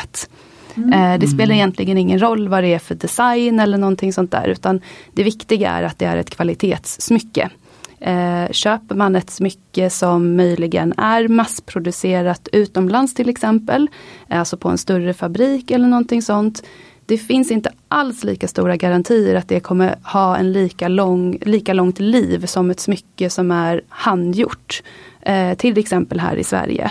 Så eh, det, det, tror jag faktiskt är liksom nyckelordet, kvalitet. Ja, ja, precis. Jag håller precis med mm. dig. Det är det viktigaste, att du tittar på något som har hög kvalitet. Mm. Då, då, håller den, då kan du göra så att du kan sälja den om tio år. Eh, men har du köpt ett, någonting som är sådär lite mm. smäckigt och inte så bra kvalitet, då kanske det är liksom nött och trasigt så är det ingen som vill köpa det om tio år när du vill mm. sälja det. Och sen så. finns det just precis som du sa också, så att liksom, olika ädelstenar, alltså rent eh, faktamässigt har liksom, det, det, finns olika egenskaper hos stenar som gör att de kanske är mer eller mindre hållbara eh, till smycken som man bär då på händerna till exempel, eller runt hand, handleden eller om man har som örhängen, brås, hängsmycke. Eh, så att det, det, är klart att där kan man också Eh, där, där, kan det vara bra att liksom samla på sig lite information för det kan också vara bra att veta vilket syfte har jag då i att använda det här smycket. Är det en... Fredagsring eller vad Ja precis. Och, och, det tycker jag också kan vara, för som du sa Carolina förut, att eh, just de här antika smyckena de var ju de, de hade man inte varje dag utan man hade smycken till vissa speciella tillfällen. Man hade ja, men kanske en fredagsring eller någonting mm. sånt där. Och, och sen, eller till, till liksom högtider och så hade man andra smycken till vardags. Idag tänker man hela tiden att smycke ska, vara, ska kunna användas varje dag. Men det är inte fel att köpa ett festsmycke tycker jag. Det kan vara jättekul och liksom, man satsar på en snygg klänning, ett par skitsnygga skor och så en riktigt, riktigt häftig liksom collier eller någonting sånt där som passar till. Det, det tycker jag absolut mm. att man kan satsa på. Precis, och collier är ju halsband. Det är ett halsband, ja. precis. Ja. men, men, men allra viktigast tycker jag ändå är att man ska köpa med hjärtat. Det du tycker är snyggt och det du ja. vill ha. Du ska inte tänka så mycket på vad kommer det här vara värt om fem år eller tänk om jag vill sälja. Utan gillar du det och, och det talar mm. till dig och du känner att jag vill ha det här. Mm. Då ska du köpa alltså, det. Är det så att du köper den där jättesnygga liksom, rubinringen med en liten rubin som du sen kanske vill byta upp till. Och, och, ringen kanske blir sliten. Ja men plocka ut rubinen och sätt den i ett snyggt halsband i så fall. Det, det, på så sätt kan man ju liksom ändå låta den leva kvar och, och så kan man, har man kanske sparat lite pengar då eller sålt något gammalt eh, skrotguld som man har i någon låda och så kan man liksom köpa sig det där häftiga. För det ska faktiskt vara sådär med smycken, precis som du sa Cissi, att man ska känna så här, jag vill ta på mig den här lillfilleringen för jag vill se den på tangentbordet för att då mår jag bra. Så som är med smycken. Att man känner att det höjer liksom dig själv och din hela ens eh, mm. liksom, ja, men man glädje. Ska känna sig klädd liksom och snygg och lite ja, men så powerful. Mm. Det tycker jag. Men det sa ju Lamja också att tidigare i sin guldsmedskarriär då hade hon velat eh, verkligen göra för liksom ackommodera för, att, för kunderna som sa att Nej, men jag vill ha ringar att bära varje dag och de, jag vill kunna ha på mig handskar och så vidare så fattningen får, får inte sticka upp för mycket och sådär. Men nu liksom allt mer eftersom åren hade gått så hade hon blivit mer och mer liksom eh, modig och vågar liksom nu gör hon gärna smycken till kunder som är kanske bara sällan smycken. Mm. Så det behöver inte vara liksom och då blir det kanske roligare designs. Mm. Men det här med, jag tänkte på det när ni pratade om eh, eh, att era tips var att leta efter färgädelstenar på auktion och på vintersmarknaden. Och då tänker jag också det att alltså, en vacker färg är en vacker färg och kommer alltid vara en vacker färg. Så när jag letar efter smycken eller ädelstenar att göra nya Mumbai-smycken av, nya one of a kind-ringar kanske, Eh, då fastnar jag ju direkt för färgen och eh, slipningen. Så om jag bara känner att stenen, men den här är så vacker, då kan jag sen få liksom ett meddelande från kanske Johannes till exempel, som är en av våra leverantörer. Och säger han så här, men Sila den här stenen har för mycket inneslutningar, jag rekommenderar inte att du, att du väljer den här stenen. Eh, den kommer kanske gå sönder vid fattning eller liksom en kund kommer, alltså man ser de här strecken, inneslutningarna och det kommer Um, ja, jag rekommenderar inte, det är för, för låg kvalitet för Mumbai. Liksom. Mm. Så det är en liksom ärlig och bra leverantör eh, tycker jag då. Mm. Men jag kan själv vara så här, men alltså det spelar ingen roll. Jag, för om jag hade varit kund, alltså jag stör mig inte på inneslutningarna för att den rosa färgen som är så intensiv, den ser man inte varje dag. Alltså det är så svårt att hitta. Så eh, det här med färg tycker jag är fantastiskt men just också tänkte jag på det här med gamla diamantsmycken. Alltså jag tror att det kan vara så att det kan vara svårare, alltså en diamant, en vit diamant i ett vintersmycke kanske inte hade samma kvalitet, det kanske inte ens finns något certifikat och så vidare. Så det tråkiga kanske kan vara då att om man köper ett eh, en gammalt smycke med en gammal diamant och sen så jämför man det med, liksom, ja, men det kan vara sin kompis eller bara sin egen framtida vigselring eller vad det är, diamant och så bara Nej men det är inte samma kvalitet och så, och så blir det nästan att man inte längre tycker om det antika så mycket för då såg man hur, hur låg kvalitet det kanske var. Alltså eh, Färgädelstenar har inte samma eh, liksom, tydliga jämförelse, liksom, det går inte att jämföra på samma sätt var bara en reflektion jag Förstår hade. hur du menar, men det var roligt att du nämnde det där med diamanter för Ja. att eh, det stämmer ju att förr i tiden hade man ju inte all den här diamantnomenklaturen som vi har idag med skala på färger och klarhet som vi är så otroligt inrutade i så att det nästan är löjligt tycker jag. Eh, den fanns ju inte tidigare, den kom ju till på 50-talet eller något sånt där. Så att förr var det ju inte så att man frågade vad, om en diamant var eh, river eller Ja. i, sådär. Utan då tittar man mer på vad verkar den vara Är den tillräckligt stor? Ja, precis. Det är en väldigt stor. Och, och det är det som jag tycker är kul när jag, jag som har en, en väldigt stor kärlek för gammalslipade diamanter och tycker att det är mycket mer spännande än modernt slipade diamanter. Jag kan Du tycka pratar att, om antikdiamanter. Ja precis. Mm. Jag kan tycka att ibland att när jag tittar på modernt slipade eh, diamanter så kan det bli lite så här att ja, de ser ungefär likadana ut allihopa. Medan tittar jag på gammalslipade diamanter då är ju varje diamant unik på ett annat sätt. Och det blir mycket roligare så tycker jag och det blir mycket mer det, det gör inte mig speciellt mycket om den har lite mer färg eller en lite mer inneslutningar. Utan jag tittar istället på, är den snyggt slipad? Tilltalar den mig? Det blir en helt annan liksom, känsla i stenen då. Eh, och där, det tycker jag är tråkigt. Det har blivit lite för mycket så tycker jag när man börjar prata om certifikat. Jag förstår certifikaten och jag förstår att de finns till för att det är en djungel det här med kvaliteter på diamanter och det, det, gemene man vet ju inte vad sakerna och ting betyder. Vad är det för skillnad mellan olika färggraderingar eller klarhetsgraderingar. Så det är bra att man har ett certifikat för det är någon form av garanti för vad det är man köper. Men det tråkiga är att man bara stirrar sig blind på de där bokstäverna och siffrorna. Och så ser man inte alls vad det är för sten man har i handen. Man liksom tänker inte på hur själva stenen ser ut och det är det, det som är det, det är viktiga. det vi tjatar om jämt, Ja. ju, att man ska köpa med hjärtat och Mm. magen. Liksom, för att det, det spelar ingen roll vad någon annan har, vad man jämför med eller sådär. Utan Mm. det är du själv som ska bara känna att ja, men där är den, där är min sten. Det är den jag ska ha. Mm. Men, men det, för vi har inte haft en diamantskola i podden än kan vi ha. Ja, absolut. Och nu påminner mig, ni mig om att det ska vi absolut ha snart. Eh, och jag kom ju just på också något som jag inte ens har skrivit upp att jag borde fråga er. Men ni värderar ju också diamanter faktiskt. Så om man har en diamant hemma, man ärvt av mormor eller så vidare. Antagligen ni som lyssnar har ju säkerligen det. Eh, för det är ju kanske det vanligaste att man ärver en gammal diamantring. Då kan man ju faktiskt gå och få den nästan GIA-certifierad, fast det blir, men på det, ni har ju samma, samma höga kunskapsnivå som de som sitter och värderar och ger ut diamantcertifikat. Så man kan få ett sorts certifikat från er, eller hur?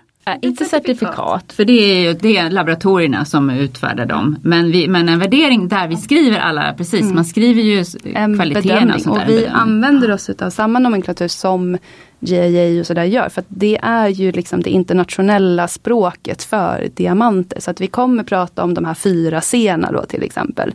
Eh, som är karat och färg och klarhet och slipning.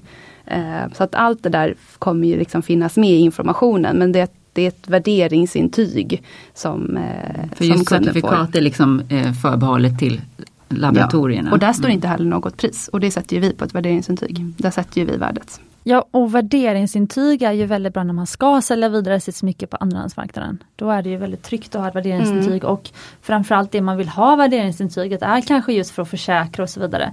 Så om man vill få en bra försäkring på sitt, sina gamla smycken man har hemma då är det ju er man ska Mm. gå till.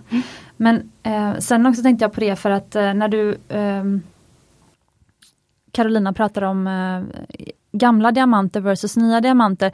För det vi inte riktigt har gått igenom och som kanske, kanske är intressant kunskap för lyssnaren, det är att nya diamanter är ofta slipade i väldigt, väldigt symmetriska slipningar och till exempel den här briljantslipningen, när den kom på 50-60-talet. Ja, Ungefär. egentligen kom den 1919 men i, men i sin moderna modernt utvecklade form kan man väl säga att den kom på kanske 50-talet. Dagens briljantslipning. Mm. Ja. ja. Och den kom ju till just av att det var en matematiker som räknade ut mm. alla perfekta vinklar och så, så att eh, briljanten har ju liksom den eh, slipning. Det är den ultimata ja, slipningen. Precis, för mm. att få som mest, mest, mest gnister. Mm. Och den här ljusreflektionen i diamanter är ju liksom det som gör den så himla magisk. Men jag kan ju också förstå, för vi, jag själv är ju kär i vår antikdiamantringar och de är ju inte perfekt symmetriskt slipade och de kanske till och med kan vara liksom nötta i kanten mm. och sådär.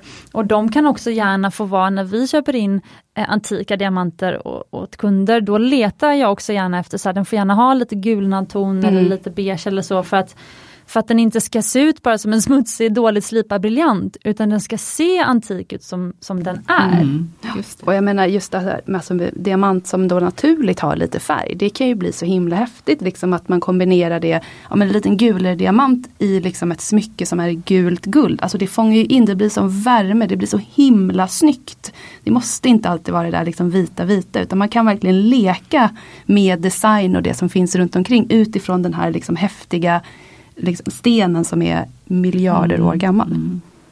Nu när vi har er här, jag tänkte vi ska avsluta med att eh, prata lite grann om syntetiska versus naturliga ädelstenar. Det är ett ämne som eh, är väldigt intressant och ni är väldigt kunniga inom det. Eh, men lite grann, hur, hur ser ni på eh, värdet av en syntetisk versus naturlig ädelsten, och, diamant och färgädelstenar?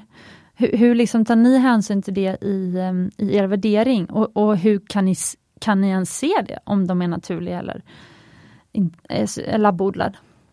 Ja, så för det första är, är ju en, en, en syntetisk sten kostar ju betydligt, betydligt mindre än naturlig sten. Så det är för det första när man gör värderingen. Det är en liksom syntetisk en sten sak. är ju inte en ädelsten först och främst. Nej. Ska man faktiskt tänka på. En syntetisk sten är ju en produkt som är tillverkat då, ja men idag i ett laboratorium.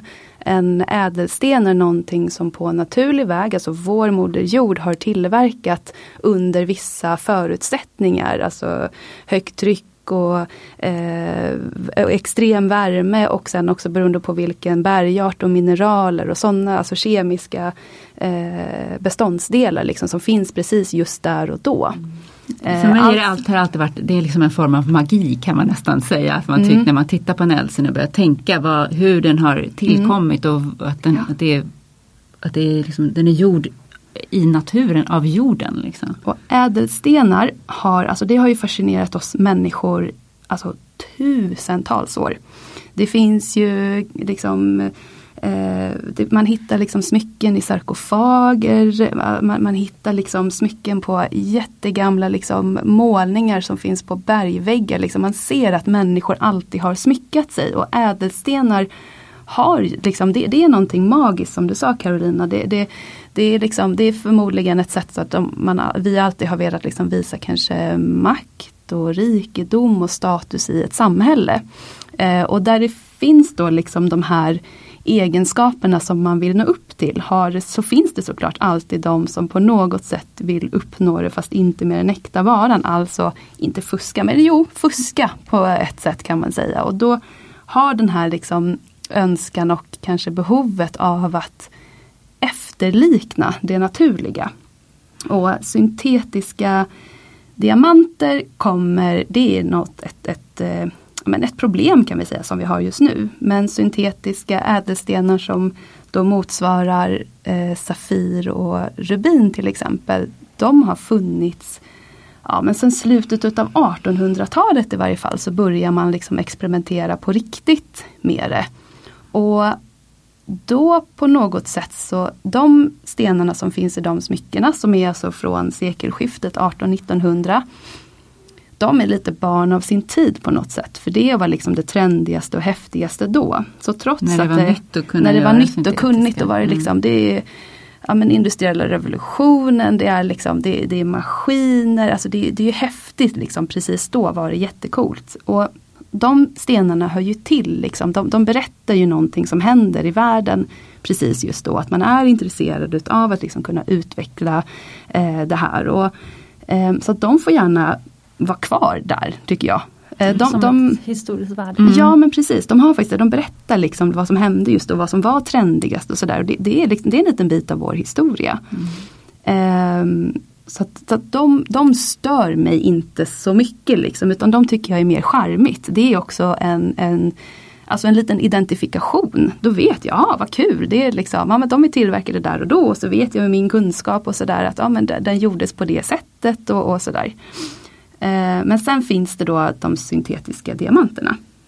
Ja, de, har liksom, de har blivit ett helt annat problem idag. Mm. Alltså precis som du sa Victoria, syntetisk safir, en syntetisk rubin finns ju också idag. Men det är liksom ingenting som vad ska man säga, som är något problem för att det är inte något jättestort problem att identifiera dem och de kostar betydligt mindre än en naturlig och och liksom, det går att ja, Det är ingen som särskilt tycker att jag vill absolut ha en syntetisk rubin tack. Utan man vill hellre ha en naturlig rubin om man har möjlighet. Men de syntetiska diamanterna just nu i alla fall är, är, är Ja, de är, de är Jag tror att problem ett, ett av de eh, första problemen då med de syntetiska diamanterna det är att de verkligen är gjorda för att efterlikna en naturlig diamant då såklart. De är eh, gjorda på mer eller mindre samma sätt eh, fast i ett laboratorium. De är gjorda utav samma beståndsdelar, alltså grundämnet kol.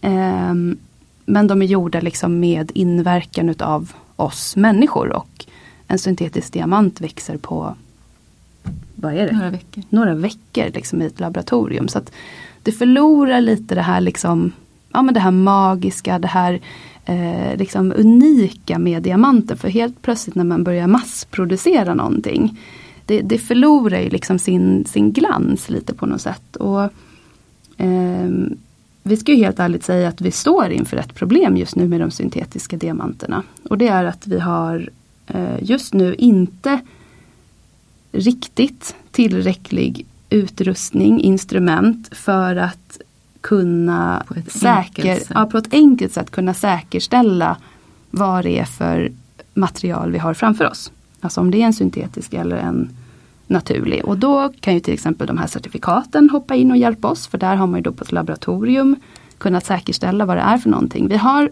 instrument och maskiner som kan eh, indikera på åt vilket håll det borde vara. Att det borde vara naturligt eller det, borde, det här är någonting lite fuffens. Det här måste man kolla närmare på. Um, så... Och det finns, alltså det finns instrument som absolut kan, mm. kan identifiera syntetisk från naturlig men de är, det är instrument som inte finns i var IMologs eh, eh, verktygslåda. Så att säga. Ja. Det, är svårare att, det är svårare att skilja mellan syntetiska diamanter och naturliga diamanter än vad det är att skilja mellan syntetiska safirer och naturliga safirer om man säger så lite generellt. Ja och det är ju så här att mm. en syntetisk diamant i min värld ska inte kosta lika, som, lika mycket som en naturlig diamant. Det är det inte samma inte sak.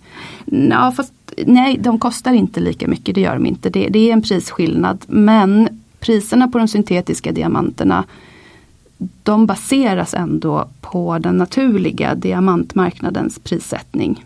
Så man har liksom i princip bara liksom tagit en procent utav den. Fast det man betalar för är liksom ingenting. För att idag när vi har pratat om det här med olika värden och sånt där eh, på, på smycken, på ny och andrahandsmarknad och liksom när man ska sälja och sådär. Och då är det väldigt, väldigt viktigt att veta att syntetiska diamanter idag har inget andrahandsvärde. Och jag förstår vad du menar där och jag upplever också att det är ett eh, marknadsföringsproblem branschen har. Men jag tror att ju mer och mer vi pratar om det här och ju mer liksom kunskapen växer hos allmänheten Eh, så ni som lyssnar, prata om det här med era vänner. Mm. vi vill sprida all kunskap. um, men um, men så, att, så att prissättningen då stämmer överens med liksom det faktiska inneboende värdet i stenen. Men där är ju, jag har delat tidigare om Lightbox Jewelry, det här De Beers mm. uh, dotterbolag. Mm. Och de säljer ju enkarats som är syntetiska Mm. eh, till ett helt annat pris Mm. och till kanske rätt pris. Mm. Mm. Eh, och så vidare. Så att, så att, så att man, ehm, man ska ju köpa en labbodlad diamant från, från rätt företag. Kanske Jag håller då, helt som, med. Som, ja, Håller som, helt som med. har rätt priser. Ehm, nu kanske det finns andra företag än det så jag menar inte att promota dem. Mm. men, eh, men bara så att man liksom eh, inte, inte betalar för mycket för en, en labbodlad Ja, och att man faktiskt vet vad det är man betalar för också. Det tycker jag är, är viktigt.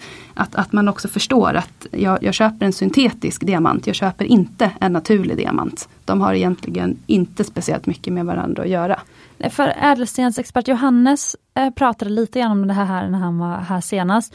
Och han hade ändå respekt för eh, den, han kom ju från, han har ju en masterexamen från Chalmers i en, eh, någon materialfysik eh, Mm. typ av utbildning. Eh, jag vet inte exakt. Eh, men han, han respekterar verkligen materialet diamant. För att om man tänker den kemiska, liksom, den kemiska liksom, eh, alltså hur, hur en diamant är uppbyggd, så är det ju ett otroligt användbart och hårt material. Absolut. Så han var ju mer så här att nej men det kommer finnas kvar och det har jättestor betydelse ofta. Alltså syntetiska diamanter i kanske industrin och så vidare. Mm. Ehm, men man kan kanske inte, alltså den här, och just nu är det spännande att göra smycken på ett nytt material kanske. Men liksom att kanske i framtiden, nu ska jag inte lägga orden i munnen på honom, nu försöker jag komma ihåg vad han sa. Men, men i framtiden så kanske den här spänningen i alla fall kommer försvinna kring syntetiska diamanter i smycken. Mm. Men liksom den syntetiska diamantproduktionen kommer ju bara öka när den blir bättre och mer effektiv, alltså för industrin och så. Och, och för användning där. Liksom. Ja, men det tycker jag låter väldigt Jag håller klokt helt med, och- om det, nu, om det nu var så han sa. Jag Ja. är helt enig där. Ja. Och det var ju också därför som man från början gjorde syntetisk diamant. Det var ju för industrin. Mm. Så och även först, de naturliga diamanter som man hittar idag. Alltså det, det, de delas ju fortfarande upp liksom i industridiamanter och eh, ädelstenskvalitet Mm. på diamanter. Så det, det, även bland de naturliga så, så gör man ju så. Och jag Eh, tror också precis som, som Johannes då, att just nu är det nyhetens behag och just nu är det spännande. Precis som det var spännande med syntetiska safirer och syntetiska rabiner i början på 1900-talet. Det var också spännande och nyhetens behag. Men idag är det inte någon stor grej. Eh, jag, nu vet vi inte vart vi är på, men jag tror att det, att det kommer bli samma sak med syntetiska diamanter. Och jag ser också som eh, det här med efterfrågan på syntetiska diamanter, eller de syntetiska diamanter som finns på marknaden ska jag säga. Det är egentligen två kategorier. Dels är det ju de som, som eh, där en kund är fullt medveten och vill köpa en syntetisk diamant. Där tycker jag det är viktigt att den eh, konsumenten får veta vad en syntetisk diamant är och veta det här med att, hur pris, att prisläget kan vara väldigt, väldigt olika och det är inte säkert att den här prisbilden som är idag är samma om tio år och så vidare. Men det är en sak för då har man ändå gjort ett medvetet val att man vill köpa en syntetisk diamant. Och jag tror också om tio år kommer vi inte ha något problem att skilja. Alltså det kommer inte vara det här identifikationsproblemet som vi har just nu. Jag tror att alla instrument kommer, det utvecklas hela tiden nya instrument och det kommer, om tio år kommer det nog finnas i var, varje gemologs kit liksom ett sätt att enkelt kunna identifiera en syntetisk diamant.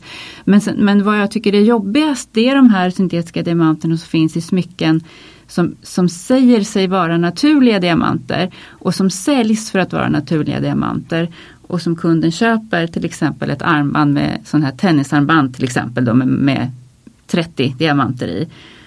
Och som säljs då för naturliga. Och sen kommer de då till gemologen för att värdera och då upptäcker man att en stor del av diamanterna är syntetiska. Det blir väldigt tokigt. Mm, då är, har man ju faktiskt lurats. Och hur ska man skydda sig mot det som köpare då? Eller som lyssnare som vill Mm, köpa kanske jag tror det är- Alltså eller ännu en gång förtroende. Gå till någon som man litar på. Sen så kan alltså guldsmed eller vem som helst ska ju i sin tur ha en leverantör som kanske inte har full koll på vad de levererar för produkter. Men då har man åtminstone chansen att man kan komma tillbaka till den här guldsmeden eller affären, butiken som man har handlat från. Och säga att, nej men titta jag har fått en second opinion eller jag har fått den här värderad. Och de här stenarna är inte äkta. Och då kommer man ju få eh, förhoppningsvis byta ut dem eller byta till ett annat smycke eller sådär. Så att det, då, då har man ju liksom åtminstone kanske den här kommunikationen liksom eh, med då en Mm, butik då mm. till exempel. Och jag upplever också de allra, allra flesta eh, som säljer smycken och guldsmeder i Sverige är ju seriösa och vill hjälpa sina kunder och är mm. absolut inte ute efter att sälja syntetiska diamanter som naturliga utan sker det så tror jag det är oftast att det är en miss att man själv inte vet. Man, mm. man har köpt det för att vara naturligt från sin leverantör så visar det sig att det har smugit med. Mm. Så, Eller så att man kanske köper det utomlands där det inte finns samma, samma liksom, regler och, och lagar och mm. sådär. Att man kanske inte alls måste uppge på samma sätt vad det är för någonting man säljer och, och som köper då vad man köper. Det kan ju vara sådana saker. Så om vi ska sammanfatta allt det vi pratat om nu. Åh, oh, det är massor. Ja, men då kan man om jag ska sammanfatta det så får ni säga om jag har hört rätt. Eh, men då ska man alltså leta efter, så de smyckena som håller sig i, i värde över tid är liksom högkvalitativa eh, smycken eh, med liksom vackra högkvalitativa ädelstenar som är naturliga. Mm. Och, och, gärna handgjorda smycken eller välgjorda smycken. Mm. Mm. Ja. Hantverk. Hantverk, precis. Mm. Vill ni skicka med någonting till lyssnare nu som kanske antingen har smycken hemma eller som är så drömmer om att få köpa sitt eget vintersmycke? Alltså det är ju alltid kanske kul och bra och roligt att få liksom en, en, ett värderingsintyg på sitt smycke. Kanske det där som man har ärvt eller någonting sånt där. För att oavsett om, om, om kanske inte värdet blir det som man förväntar sig eller det kanske blir snarare tvärtom, att det kanske blir mycket mer än vad man förväntar sig. Så har man åtminstone en eh, eh, objektiv presentation och beskrivning utav sitt smycke. Och den där beskrivningen tycker jag nästan är det allra, allra viktigaste i ett värderingsintyg. För när vi skriver ett värderingsintyg då, då skriver vi skriver inte bara att det är en ring utan vi skriver verkligen att det är en ring, vad det är för material, eh, vad det är, om det är stenar, vilka stenar, vad de väger eller mått på dem, vad det är för kvalitet, finns det stämplar, finns det inte stämplar så kanske vi ändå gör en bedömning, vi tror att det här är från den och den tiden. Vi, är en, liksom, vi lägger den på vågen så man får en vikt och, och allt det där liksom kan hjälpa till om olyckan skulle vara framme i framtiden på något sätt. Man kan bli av med sitt smycke på, tyvärr, på väldigt många olika sätt. Men då, då, har man liksom det här pappret, det här värdeintyget liksom med en beskrivning och, och även om då värdet kanske är relaterat just till det datumet som värderingen är gjort så kan man alltid använda sig, utgå från beskrivningen av smycket och liksom kunna räkna om det om det skulle vara det fallet. Så det, det, är nog liksom mitt tips att mm. har man ett smycke som man kanske tror eller ja, vill veta lite mer om. För det, det, skriver ju Caroline och jag också ner. Är det så att ja, men, vi hade för, för någon, någon månad sedan så fick vi in en ring eh, som faktiskt visade sig att det var en ring som var från 1600-talet. Wow. Och den har ju inga stämplar för att stämplar är ju liksom någonting som det är ett krav på liksom de senare, senaste hundra åren ungefär. Uh, så bara, bara liksom det detektivarbetet och att kunden då får det liksom på pappret att wow, liksom, det här är en 1600-talsring. Uh, det, det, betyder det väldigt mycket. Jag har tre tips. Mm, wow, kul! Okay. När du ska köpa någonting, alltså köp kvalitet då. Oavsett om du köper nytt eller om du köper på andrahandsmarknaden. Köp eh, bra hantverk, bra stenar och ta hjälp av dem du ska köpa av. För de är, är ju experterna. Fråga. Mm. Fråga dem. Nummer två, köp med hjärtat. Alltså köp det som du gillar. Mm. Köp med hjärtat. Köp inte för att det här är, tycker alla andra är snyggt. Mm. Eller det här, utan det som du gillar, som du känner dig fin i och som du vill ta på. Du vill ta på dig din ring för du älskar att se ringen. Till exempel. Och så nummer tre, ta hand om dina smycken. Alltså vårda dem. Har de inte varje dag så de slits och har du dem varje dag så lämna in dem till guldsmeden med jämna mellanrum för koll. Precis som du går med, med, bilen på en årlig kontroll så går du med smyckena. Kollar så att allt sitter. Det behövs kanske en puts, det behövs kanske justeras några klor. Håll koll på sådana saker. Rengör smyckena. Och för då kan de leva vidare. Då har du liksom de, dina smycken länge och du kan ta dem vidare till nästa generation eller du kan sälja dem vidare om du tröttnar på dem. Du har tagit hand om dem så håller de. Superbra. Mm. Och ett sista tips då för bonusavsnittet förra veckan som släpptes på söndagen. Eh, där handlar det om hur, hur, man tar hand om och rengör sina äkta smycken. Och där sa jag specifikt, det här gäller inte för antika smycken eller liksom som ja, vintersmycken som man köper på auktion och så. Har ni några generella tips som går att ge så här supersnabbt på sluttampen? Eller går det inte att ge, då får, det, det gäller för varje unikt smycke? Alltså jag tycker att det allra bästa om man ska rengöra sina smycken hemma, det är ju liksom varmt vatten, lite diskmedel och sen så en sån här väldigt mjuk gammal tandborste. Eh, det, är liksom, det, det, kan man även lite försiktigt faktiskt tvätta sina eh, även antika och gamla smycken med. För, och även pärlor och... Kan, ja, mm. alltså man kan liksom, mm. man ska absolut inte koka upp smyckena eller någonting sånt där i liksom inte kokande vatten utan det räcker med att du tar lite varmt vatten från kranen bara. Inte så att du liksom gör det illa eller någonting sånt där. Då, då är det liksom, då, då är det för mycket. men, men det är liksom det allra bästa. Det, det går jätteenkelt att bara liksom med en liten fuktig trasa dra över ditt smycke eller det, det, det, är inte så konstigt. Det, det fastnar pepparkaksdeg och hårspray och liksom vad det nu kan vara för någonting i smyckena. Så, så då, precis som Carolina sa, se till att liksom rengöra dem och, och hålla dem. Och då, det där liksom varmt vatten och lite diskmedel det funkar även vara. på det Men det som man ska vara jätteförsiktig med det är ju de här riktigt gamla smyckena som har täckt baksida. Mm. Där, där stenarna är, alltså de som är gjorda då kanske eh, 1700-tal eller, eller granatsmycken till exempel som är gjorda på 1800-talet. Där du liksom, om du vänder på smycket så ser du inte igenom det. För då är det ofta så att stenarna är fattade så att det inte ska komma in luft eller fukt. Mm. Och börjar du då greja med, med någon tandborste då kan mm. du förstöra det. Så de ska man vara lite mm. försiktig med. De där. kanske räcker då blir med trasan. Ja, precis. Ja, mm. ta en fuktig trasa på bara. Så att, eh, men och är man osäker så fråga. Mm. Fråga liksom guldsmeden som ligger runt hörnan eller i gallerian ja. eller någonting sånt där. Det, och vet inte de så förhoppningsvis så kanske de skickar dig vidare i så fall till någon de, som de vet att mm. den där är bra ja. på gamla smycken eller så. Ja, fråga det är en väldigt bra tips. Alltid. Mm. Superbra. Och hur kommer man i kontakt med er? Ja, vi, oss kan man, vi, vi heter Jewelry Escape och vi, man kan gå in på, på hemsida. hemsida. Vi, mm. har, vi har eh, Facebook och vi har Instagram. Ja, och på hemsidan så finns och på Instagram så finns alla eh, våra telefonnummer och kontaktuppgifter och sådär. Man får ringa eller mejla eller skicka DM eller vad som helst. Vi, vi försöker svara så fort vi kan. Mm. Jag kan tipsa om att följa er Instagram för ni brukar ju dela lite så här videos och så på härliga smycken ni har inne. Mm. Jättekul att se om man gillar antika smycken. Tack för det. Stort tack för att ni varit här i studion och gästat oss idag. Tack, tack så, mycket. så mycket för att vi fick komma. Det har varit jätteroligt. Verkligen. Få prata om det vi tycker ja. allra mest om. Och jag hoppas att du som lyssnar har tyckt att det här avsnittet var jättespännande. Och jag bjuder jättegärna in Carolina och Victoria till podden igen. Och de har sagt att de gärna kommer tillbaka. Ja, vi kommer. Väldigt gärna. Ja. och jag skulle gärna ha ett helt lyssnarfrågeavsnitt med Carolina och Victoria. Så om ni har frågor eller tankar så gå jättegärna in på DM och skriv.